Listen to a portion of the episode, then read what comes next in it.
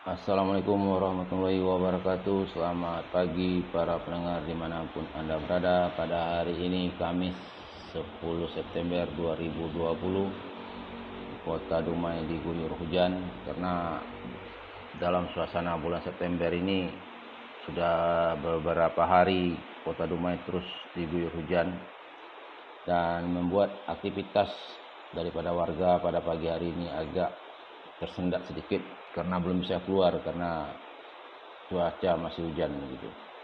Mudah-mudahan hujan ini memberi berkah, memberi kita rezeki karena dengan turunnya hujan maka seluruh tumbuhan dan tanaman yang ada di bumi ini akan subur lalu bisa dinikmati hasilnya.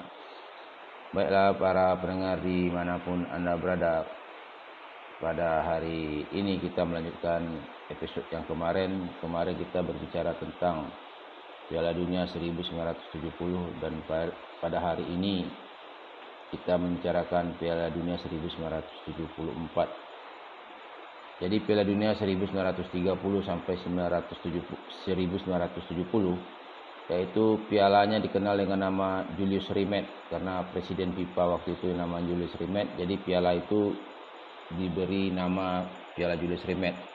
Karena Brazil telah tiga kali meraih juara maka piala tersebut dimiliki oleh Brazil untuk selama-lamanya. Maka FIFA membuat piala piala dunia yang baru dan merubah kejuaraan menama, menama, menamakan kejuaraan dunia sepak bola menjadi FIFA World Cup. Dan Jerman Barat waktu itu karena Jerman waktu itu masih terpisah Jerman Barat dan Jerman Timur ditunjuk sebagai penyelenggara untuk kejuaraan tersebut. Dan pada kejuaraan tersebut uh, juga ada satu hal yang sangat menarik terjadinya revolusi dalam sepak bola karena pada tahun 1974 adalah di mana total footballnya Belanda yang dimotori oleh Johan Cruyff berhasil memukau dunia karena mereka menjuarai Piala Champion 1900 1971 1972 dan 1973 jadi Piala Dunia 1974 Belanda atau tim Orange yang lebih dikenal dengan tim Orange merupakan favorit utama pada waktu itu. Sementara Jerman sebagai tuan rumah adalah juara Eropa pada tahun 1972 jadi Jerman juara Eropa 1972 dan ingin menggandingkan juara Eropa itu bersama Piala Dunia pada 1974. Baiklah kita langsung bagaimana Piala Dunia 1974 tersebut ter, ter, terselenggara. Pada waktu itu diikuti oleh 16 tim dari lima konfederasi yang ada jadi Asia waktu itu diwakil, diwakili oleh Australia karena Australia masuk zona Asia pada waktu itu.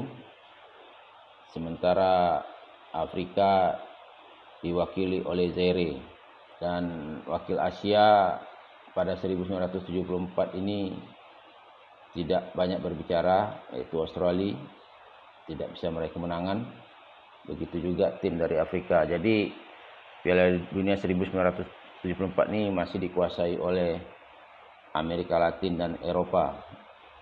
Dari 16 tim, maka dua tim terbaik setiap grup masuk ke putaran kedua. Tidak seperti Piala Dunia sebelumnya diadakan pertandingan sistem gugur di babak 8 besar. Tapi pada Piala Dunia sekali ini 8 besarnya diadu kembali.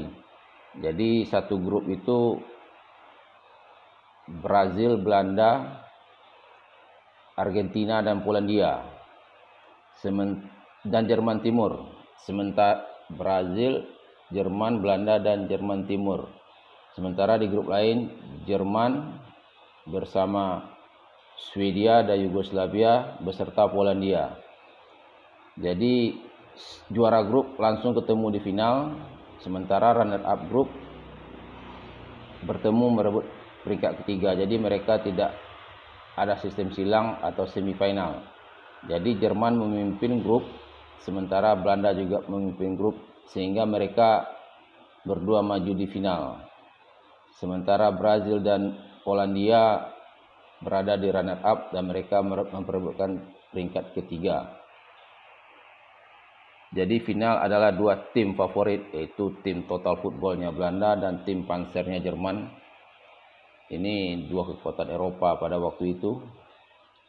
Dan memang total football lagi hangat-hangatnya pada waktu itu. Banyak orang yang menjagokan Belanda. Tapi pertandingan sepak bola selalu memberikan kejutan atau hal-hal yang sangat tidak masuk akal bisa terjadi.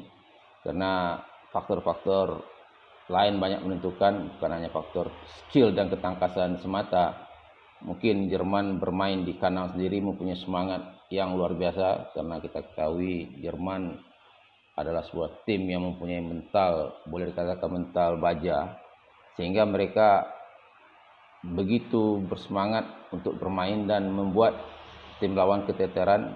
Selain dari semangat, didukung dengan stamina yang sangat luar biasa dan prima daripada tim Jerman tersebut. Akhirnya final berlangsung di Munich di Stadion Bayern Munich sekarang ini. Karena Munich ini bahasa Jermannya itu Munich kalau bahasa Inggrisnya Munchen. Jadi orang banyak apa salah menyebutkan. Sebenarnya bukan salah tergantung dari mana mereka menengok. Kalau bahasa Jermannya Munich itu tidak salah. Munchen pun tidak salah karena itu bahasa Inggris. Jadi orang di Indonesia selalu antara Bayern dan Bayern ini agak ragu-ragu sedikit. Sebenarnya itu juga cuma namanya berbeda karena bahasanya berbeda yang kita gunakan. Jadi kita ikut aja lah bahasa Jerman itu Bayern Munich karena biar kita tuh teringat bahwa itu di Jerman gitu. Jadi berlangsung di stadion Munich Jerman. Pertandingan berjalan baru dua menit belum sampai.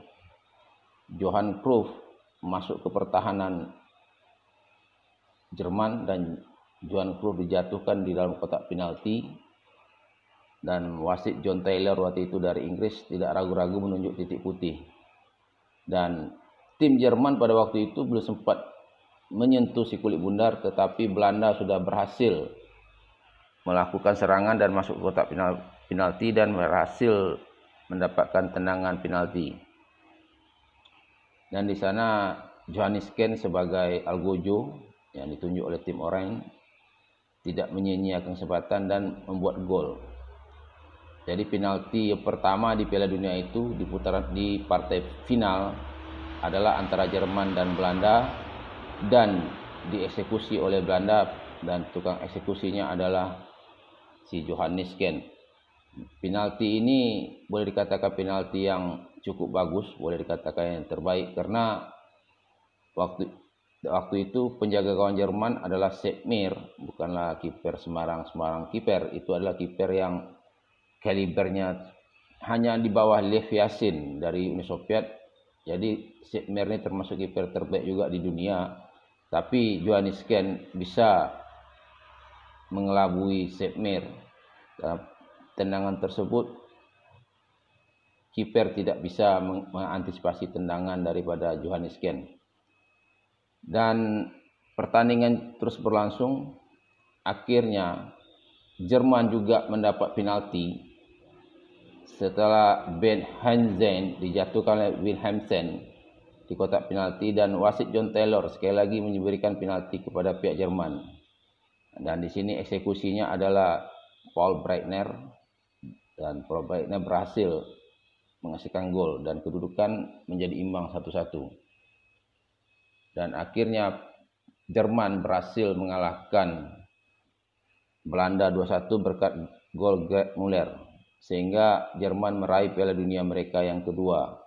Kalau kalau kita perhatikan dalam partai tersebut memang bola lebih banyak dikuasai oleh Belanda dan Belanda banyak menghasilkan serangan-serangan berbahaya. Sayang tidak menghasilkan gol dan membuat tim total football harus menerima pil pahit dan menerima kekalahan 1-2 terhadap Jerman. Jadi Piala Dunia yang 1974 ini dimenangkan oleh Jerman dan runner up-nya adalah Belanda sementara Polandia meraih juara ketiga.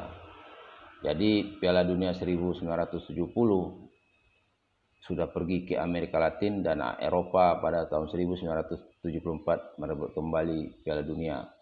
Jadi antara Amerika Latin dan Eropa ini selalu silih berganti untuk merebut Piala Dunia karena dua negara di benua ini yang menduduki Piala Dunia sementara wakil Asia dan Afrika uh, belum bisa berbuat banyak pada waktu itu. Jadi Piala Dunia 1974 ini ada hal yang perlu kita catat. Pertama adanya total football yang begitu fenomena pada waktu itu dan menjadi cikal bakal sepak bola sekarang yaitu ball position. Jadi sepak bola ini dia mengalami perubahan-perubahan sesuai dengan kemajuan zaman serta pengetahuan daripada manusia sehingga membuat sepak bola ini menjadi olahraga yang selalu menarik dan selalu ditonton oleh banyak orang karena selalu memberi hiburan kepada penonton. Selain dari itu sepak bola juga ada rasa nasionalisme yang cukup tinggi. Karena sebelum pertandingan itu dinyanyikan lagu kebangsaan masing-masing. Jadi seolah-olah Eh, kedua tim ini melakukan perang tetapi tidak perang sebenarnya tapi perang di lapangan sepak bola tapi mewakili negara masing-masing. Dan ini yang membuat sepak bola selalu menjadi olahraga barometer bagi suatu negara. Jadi pada hari ini itulah yang dapat saya sampaikan karena hari sudah menjelang pagi juga dan hujan sudah mulai juga reda dan aktivitas warga sudah mulai bergerak sedikit demi sedikit. Mudah-mudahan ini berlanjut sampai siang, sore, dan malam dan hari-hari seterusnya dan kota Dumai selalu menjadi kota yang kondusif dan baik bagi semua orang. Nah, akhirul kalam, Assalamualaikum warahmatullahi wabarakatuh.